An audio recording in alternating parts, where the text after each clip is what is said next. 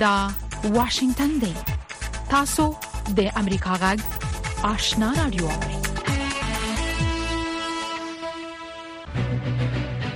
قدرمن اوریدونکو السلام علیکم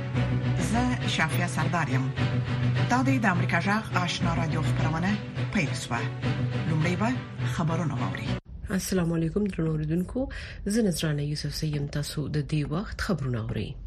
افغانستان لپاره د ایران د جمهور رئیس ځانګړي استاذي او په کابل کې دغه هواد سفیر ویلي چې مولوی امیر خان متکی د ایران پر وخت د سیمې د تماس د ډلې د جوړېدو هرکلی کړ او په کابل کې افغانستان لپاره د سیمې د هوادونو د ځانګړو استادو د ګډي غونډې د جوړېدو لپاره چمتووالی خوده لري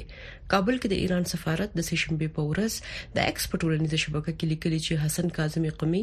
د امیر خان متکی سره په کتنه کې هغه ته د افغانستان خلکو سره د خپل هواد د هر اړخیزو مرستو د چمتو کولو ډاډ ورکړی دی په دې خبرپاڼه کې ویل شوی متکی د ایران په نوښت د سیمې د تماس د ډلې د جوړېدو نه هرکلی کړي او د افغانستان لپاره د سیمې د هوادونو د ځانګړو استادو د ګډ غونډې د کوربتوب لپاره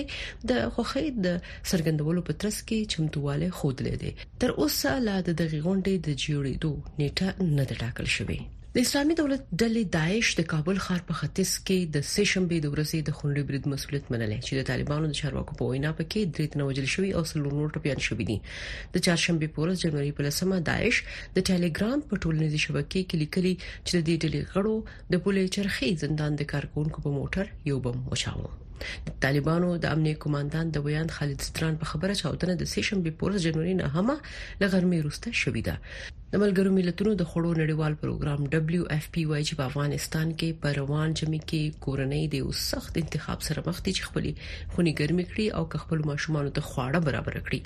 دغه پروګرام چهارشنبه په ورځ جنوري لسم د ایکسپرټ ټولنیزې شبکې کې لیکلي چې افغانستان کې د ناسم اقتصادي وضعیت له امله په سکهال ډېر کورنۍ د تاریخ جمع سره مخ شي د خړو نړیوال پروګرام ویلي د جمع په سخت موسم کې افغاني کورنۍ د تاړي شوې چې د خپل کورونو د ګرمولو او خپل ماشومانو د خړو د برابرولو ترمنځ تر ټولو سخت ناممکنه انتخاب وکړي د خړو نړیوال پروګرام ویلي چې په تیر 2023 کال کې د افغانستان لری پروتو سیمو په ګډون په خپل لاریو کې 350 زره ټن خواړه انتقال کړي او مرستو ته ډیرو اړو کورنۍ ته مرستې رسولې دي د امریکا د بهرنیو چارو وزیر انټونی بلینکن د چهارشنبه په ورځ د فلسطین د خپلواکۍ ادارې مشر محمود عباس سره په کتنې کې ویلي چې واشنگټن د فلسطیني دولت د جوړولو په لور د مثبتو ګامونو ملاتړ کوي د امریکا د بهرنیو چارو وزارت په خبر پاڼه کې ویلي بلینکن له خاغلی محمود عباس سره په خبرو کې وزلې بیا د واشنگټن په اوږدمهاله دریز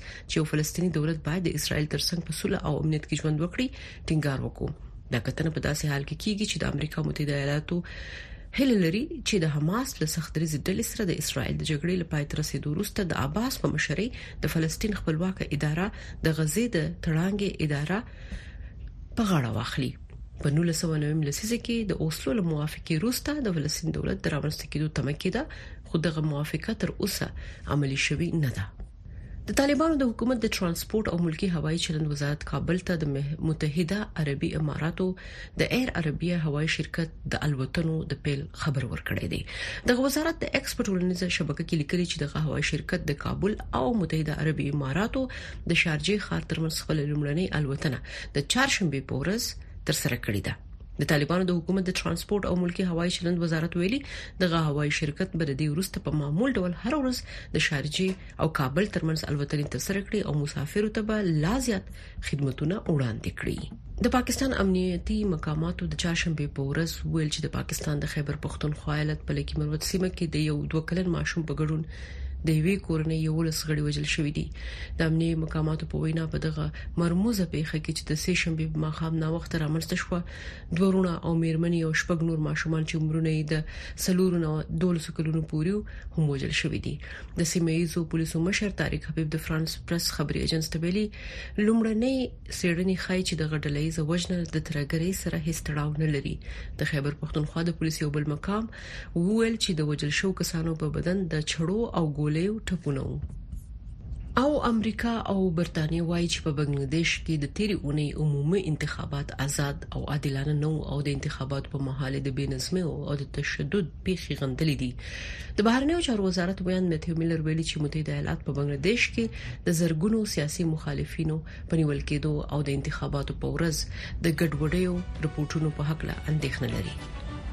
قدر منوردونکو دا د دې وخت خبرونه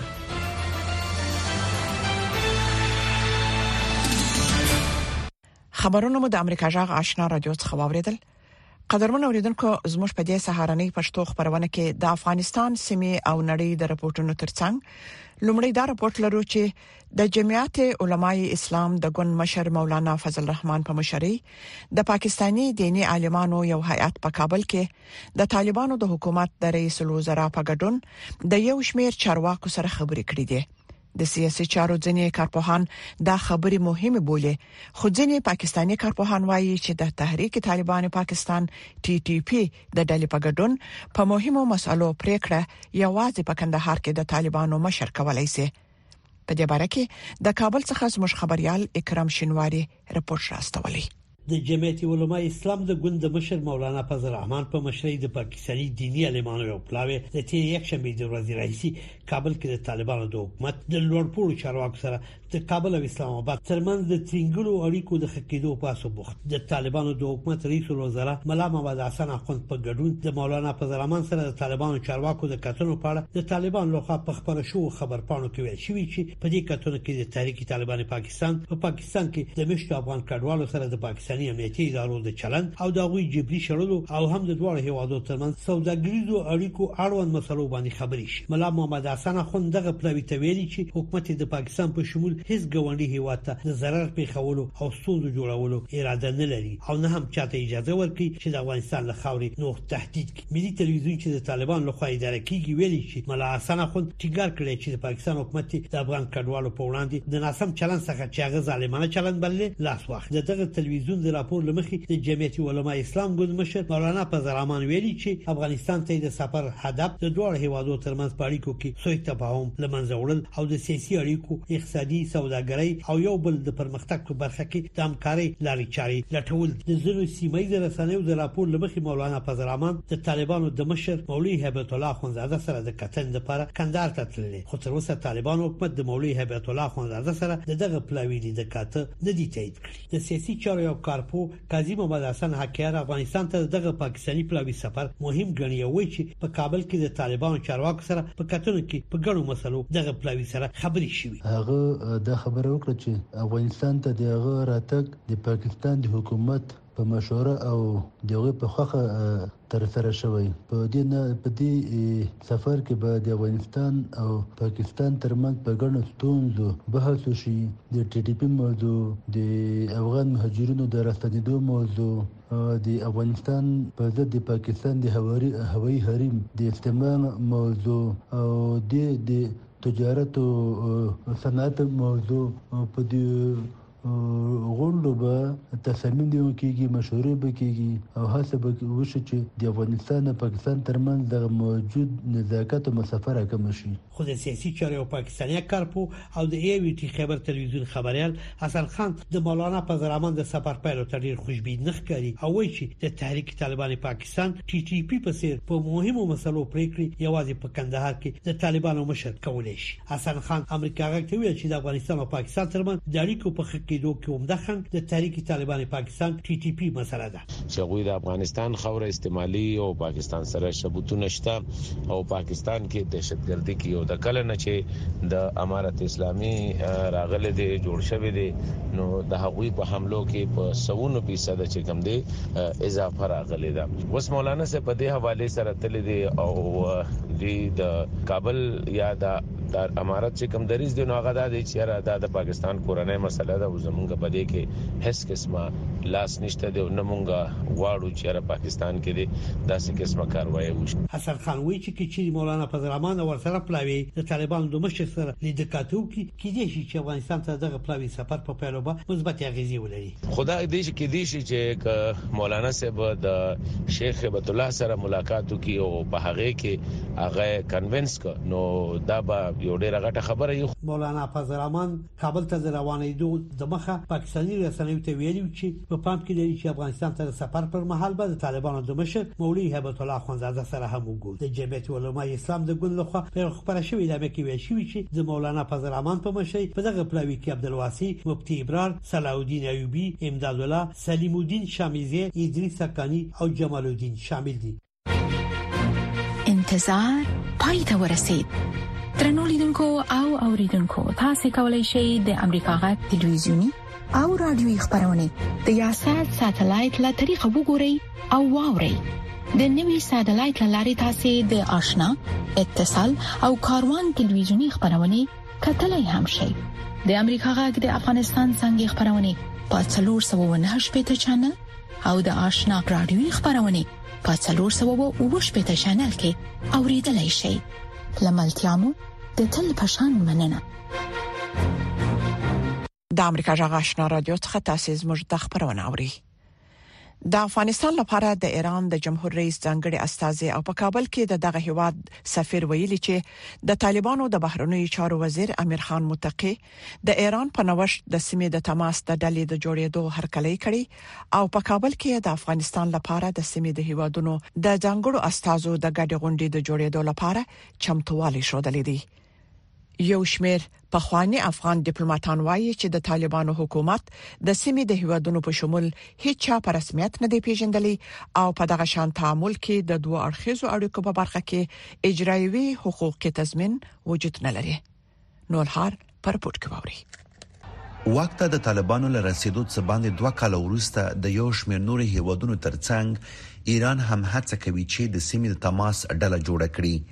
د طالبانو د بهرنیو چارو وزیر امیر خان متقي د افغانستان لپاره د ایران د ولسمشر د ځانګړي استازي حسن کاظمي قومي سره په کتنه کې د دې ډلې د جوړېدو هرکلی کړی او د سیمې د هېوادونو د ځانګړو استازو د ګډې غونډې جوړېدو ته یې چمتووالی ښودلی. تر اوسه لا د دغې غونډې د جوړېدو نیټه نه ده ټاکل شوې. طالبانو حکومت لا تر اوسه د سیمې د هیوادونو په شمول هیچا په رسمیت نه دی پیژندل. دا یو ډیفیکټو تعامل دی او په داسې تعامل کې اجرایوي حقوقي تضمین وجود نه لري د دوه اړخیزو اړیکو په برخه کې یعنی که تاسو دغه یو غونډه په کابل کې جوړه هم شي توقع نشي کولای چې هغه ژمنې چې الته کیږي هغه د عملی شي ځکه چې دلته د رسمیت پیژندلو او د حقوقي دوه اړخیز تعامل اصل لا تر اوسه هم مبهم دی په رسمیت نه دی پیژندل شوی بل خبره دا ده چې د طالبانو حکومت په واضح توګه ویلي دي چې دوی د مذاکراتو لپاره د هیچا سره هیڅ هیڅ کومه خبره نه لري. یو شمېر شنونکي په سیمه کې د ایران هڅو ته د شک په سترګه ګوري. به یقین هستم که خود جمهوری اسلامی ایران به یک مرکز تشنج به یک مرکز افراطیت که میخواه افراطیت در منطقه گسترش بده و جنگای نیابتی را سازماندهی کنه امیال اسفاتیون از بین افغان ها در سوریه استفاده میکنه و در برنامه که امروز با طالبا پیش میبرن این پارادوکس است از یک طرف امو ساختارهایی که تعداد زیادشان افراد فاسد است در ایران دعوت میکنه تاجکستان روسیه دعوت میکنه اینا را تشویق میکنه برای جنگای مسلانه و خشونت آمیز در افغانستان و از یک طرف برنامه های خود که طالبان پیش میبره تا بتانند که یک اتحاد نامقدس در برابر آزادی و عدالت و حقوق بشر به وجود بیارن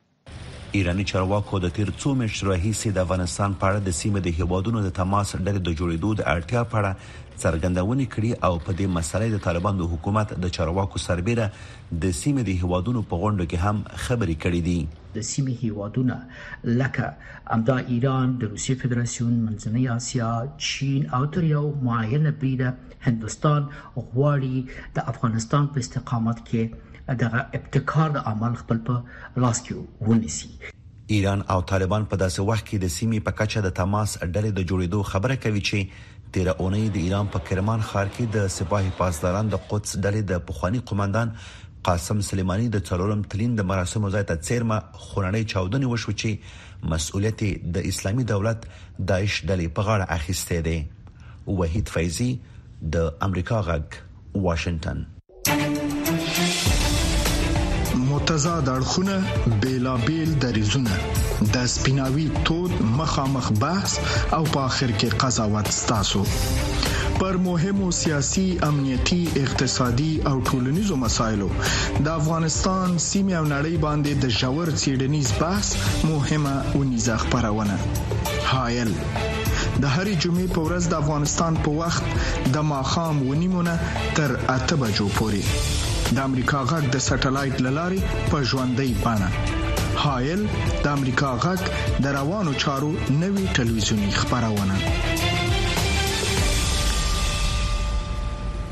رپورټونو ته دوام ورکوه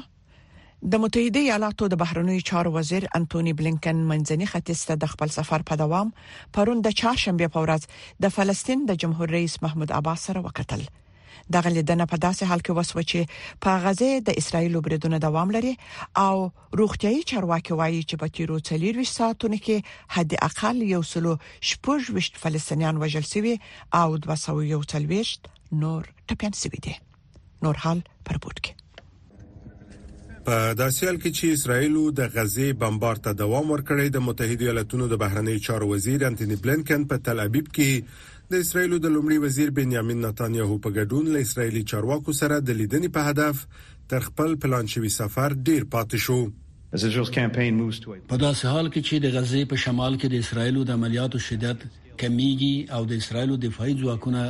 خپل پوځیان کموي، موږ د ملګرو ملتونو له خوا د ارزونې د یو ماموریت په ترسره کېدو هوکړې ته ورسېدو. له دې سره به دا معلومه شي چې شمال ته د بې ځایه شویو فلسطینیانو د خوندي ستنېدو لپاره څه ته اړتیا ده. بلېنکن وویل، حماس ممکن ناچاودي بمونه ایښي وي او دا جنوب ته د بې ځایه شویو فلسطینیانو د خوندي ستنېدو لپاره یوه بله امنیتي او لوجستیکي اندېښنه وي. په خان یونس کې بې ځایه شویو کسانو د سې شنبې په ورځ له بلنکن څخه وغوښتل چې شمال ته د هغوی د ستنېدو ملاتړ وکړي یوې میرمنې وویل د امریکا د بهرنیو چارو وزیر بلنکن ته زما پیغام مونږ بیرته د غزې په شمال کې خپل کورونو ته ولیکدو حتی که یو خیمه وي هغه تر دې ځایه ښه ده ځکه موږ زوريګو درې میاشتې کېږي چې دلته یو دا غوړه ده چې خپل کورونو ته بیرته ستانه شو بلینکن وویل اسرایلی مشرانو ته ویلي چې په غزه کې ملکی تلفات اوس هم ډیر لوړ دي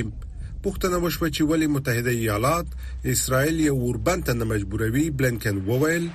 We want this war to end as soon as possible. مونږ غواړو هر څومره ژر چې امکان ولري دا جګړه ختمه شي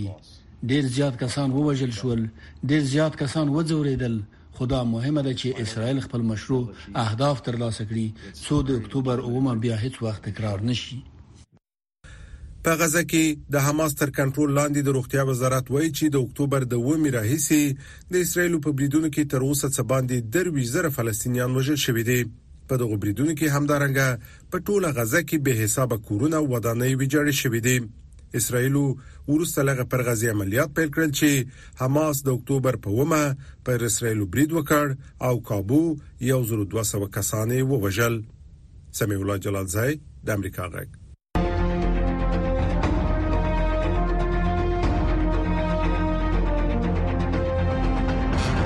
اتصال زموږ او ساسي پیوستون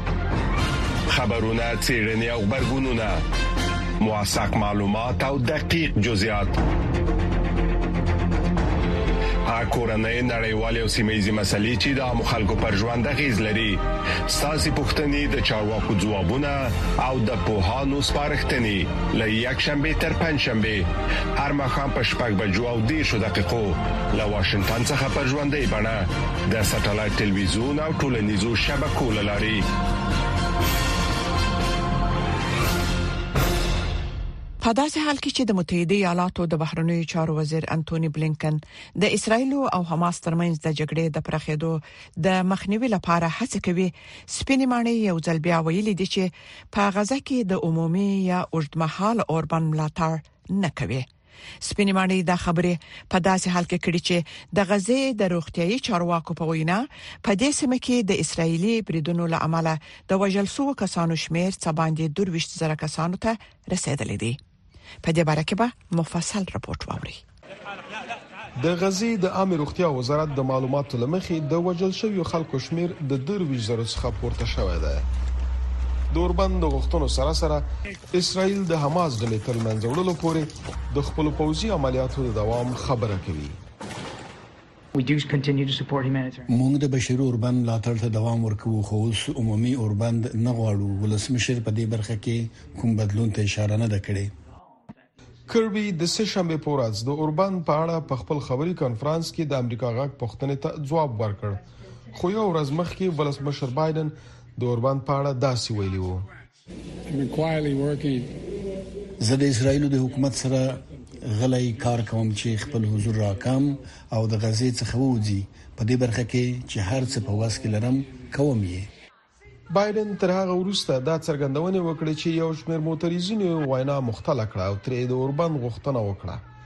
دا څرګندوي چې د نومبر په میاشت کې د امریکا د جمهور ریاست تر ټاکنو مخکې د غزې روان کړکېچ امریکایي رای ورکوونکي سره ویشي. د بایډن حکومت او پخپله ولسمشر بایډن په ډیر یو سخت حالت کې دی ځکه چې د امریکا د ولس یو ډیره برخه په قوت د امریکا او اسرایل د ملګرتیا ملاتړ کوي او د سنګيري چې د اسرایل د ملاتړ نه کولو هر ډول هڅه به دغه ملګرتیا وګوخي د تیر کال د دسمبر په میاشت کې د غالب نظر پښتنه خی چې اته د سلن امریکایان په دې نظر دي چې اسرائیل د امریکا لازم ملاتړ د ځان سره لري شپږ دیش سلنه خلک بیا فکر کوي چې تر اندازې زیات ملاتړ شوی او څلور ویش سلنه نور بیا وایي چې په کم اندازه ملاتړ کیږي سلويخ سلنه دیموکراتان او د مستقل فکر خاوندان وایي چې امریکا د اسرایل زیات ملاتړ کوي په داسې حال کې چې دا شمیره بیا په جمهوریت غوښتونکو کې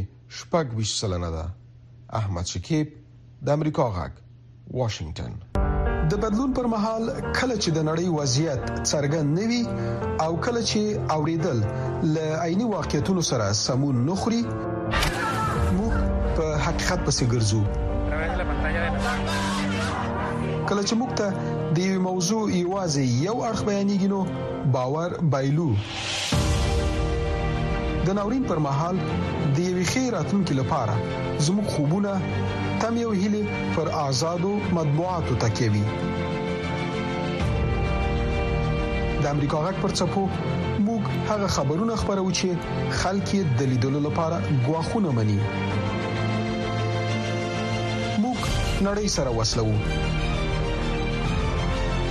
او د حقیقت په ویلو یو موټی کوو د امریکا غږ لاري موږ بشپړ انزور درکو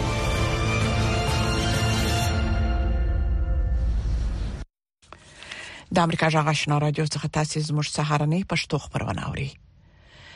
درنوریدونکو پراتلونکو کال کې به د ولسواکۍ د پاره د یوې ستري ازموینې کال وي ځکه چې د اټکل لمخې له 50 څخه زیاتو هیوادونو کې شاوخوا 4 میلیارډ خلک یعنی د نړۍ نږدې نیمایي نفوس په ټاکنو کې رائے ورکوي دا احتمال شته چې د دې ټاکنو نتیجه به پراتلونکو کلونو کې نړیوال سیاست جوړ کړي په دې اړه پام وکړئ د امریکا جغ د خبريال هنري رجول د رپورت پښتو ژباړه ده په نړۍ کې د ساکال د لوی ټاکنو په لړۍ کې لمړی شیخ حسینه د شنبه په ورځ د بنگلاديش د لمړی وزیر په توګه د پنځم ځل لپاره ټاکنې وګټلې په تایوان کې به د جنوري په 13مه نیټه د جمهوریت ریاست انتخابات تر سره شي په دې ټاکنو باندې د چین ګواښ چې په زور دغه ټاپو د بیتنیولو هڅه کوي سیوري غورولای ویلیام لای د واکمن دیموکرات پروګریسیو ګوند نوماند چې په ټاکنو کې مخکښ دی داسې وایي موږ نه یوازې د تایوان د راتلونکو مشرانو او د هېواد د راتلونکي په اړه پریکړه کوو بلکې د هند ارام سمندر سیمې د سولې او ثبات په اړه هم پریکړه کوو. همدا سیده کنه په پام کې ده چې انډونیزیا راتلونکي میاشت یو نوې ولسمشر وټاکي چې د 200 میلیون خلکو په هیواد کې وکمني وکړي دا په یو ورځ د نړۍ تر ټولو لوی رایا چونه ګڼل کیږي په پا پاکستان کې به پارلماني ټاکنې د فبرवरी په میاشت کې تر سره شي چیرې چې د اپوزیسیون مشر او پخوانی لومړی وزیر عمران خان د دولتي رازونو د افشا کولو په تور زنداني دی خو عمران خان دا تورونه ردوي. روسیه به د مارچ په میاشت کې د ولسمشرۍ په ټاکنو کې رایه ورکړي او اوسنی واکمن ولادیمیر پوتین به دا ټاکنې وګټي. د اروپايي ریفورم د څېړنیز مرکز غړی آین بوند داسې وايي. هغه د ټول اداري سیستم کنټرول په لاس کې لري تر څو ډاډ تر لاسه کړي چې ټوله رایه د هغه په ګټه اچول کیږي او پوتین به یو ځل بیا د شپږو کلونو لپاره تر دوه زره دېرشم کال پورې د روسیې ولسمشر وي. هندوستان د نړۍ تر ټولو لویه دیموکراسي به د اپریل او مې ترمنځ پارلماني ټاکنې ترسره کړي. د لمړي وزیر نریندرا مودي په مشرۍ بهارات یا جنتا یا بي جي پي ګوند به په ټول ټاکنو کې مخکښ وي اروپאי ټولنه چې د نیم میلیارډ څخه د زیاتو خلکو استازیتوب کوي د جون په میاشت کې په داسې حال کې پارلماني ټاکنې تر سره کړې چې د خيارخو پاپولیست ګوندونو ملاتړ یو ځل بیا زیات شوی دی په بریټانیا کې ټاکل شوې د کال تر پای ته رسیدو مخکې ټاکنې تر سره شي د نظر پښتنو لمخې د اپوزیسیون کارګر ګوند مشر کایر ستایمایر د محافظه کار 14 کلنې واکمنۍ د پای ته رسیدو په حال کې دی او سکهال د نوومبر په 15 نیټه به امریکایان پریکړه وکړي چې آیا دیموکرات جو بایدن ته د متحده ایالاتو د ولسمشر په توګه د دوهم ځل لپاره رائے ورکړي یا جمهوریت غوښتونکي ډونالد ترامپ چې د بایدن احتمالي مخالف ښکاری بدیل غوړه کړي د امریکا د ټاکنو هر پایله به نړیوالې اغیزې ولري د لندن د کینګز کالج استاد آنن مینون وایي د اروپا په شرایطو کې هر ډول ویره شته چې ډونالد ترامپ په چټکۍ سره ناتو کمزوري کړي په راتلونکي کال کې به رایه ورکوونکي په بې ساري توګه خپل دیموکراتیک ځواک وساتي او د ټاکنو پایلې به ښایي د راتلونکو لسیزو لپاره احساس شي برېښنا عمرخیله د امریکا غږ واشنگټن طالبانو د افغانستان له دننه د امریکا غږ راډیو خبرونه درولې دي خو امریکا غاک په پوره ژمنتیا خپل افغان اوریدونکو ته په پښتو او دری ژبه د کره باوري او هر اړخیزو خبرونو په خبرولو د افغانستان له بهره په 902 کیلو هرتز منځنوي سپو خپل خبرونه ته دوام ورکړي د دې ترڅنګ تاسو کولای شئ چې زموږ پښتو خبرونه په لاندو سپو هم واورئ پښتو سهارنۍ خبری خبرونه پر وزاره 290.0 څپو اوریدل شي ما خبرنۍ پښتو خبرونه په 2140.0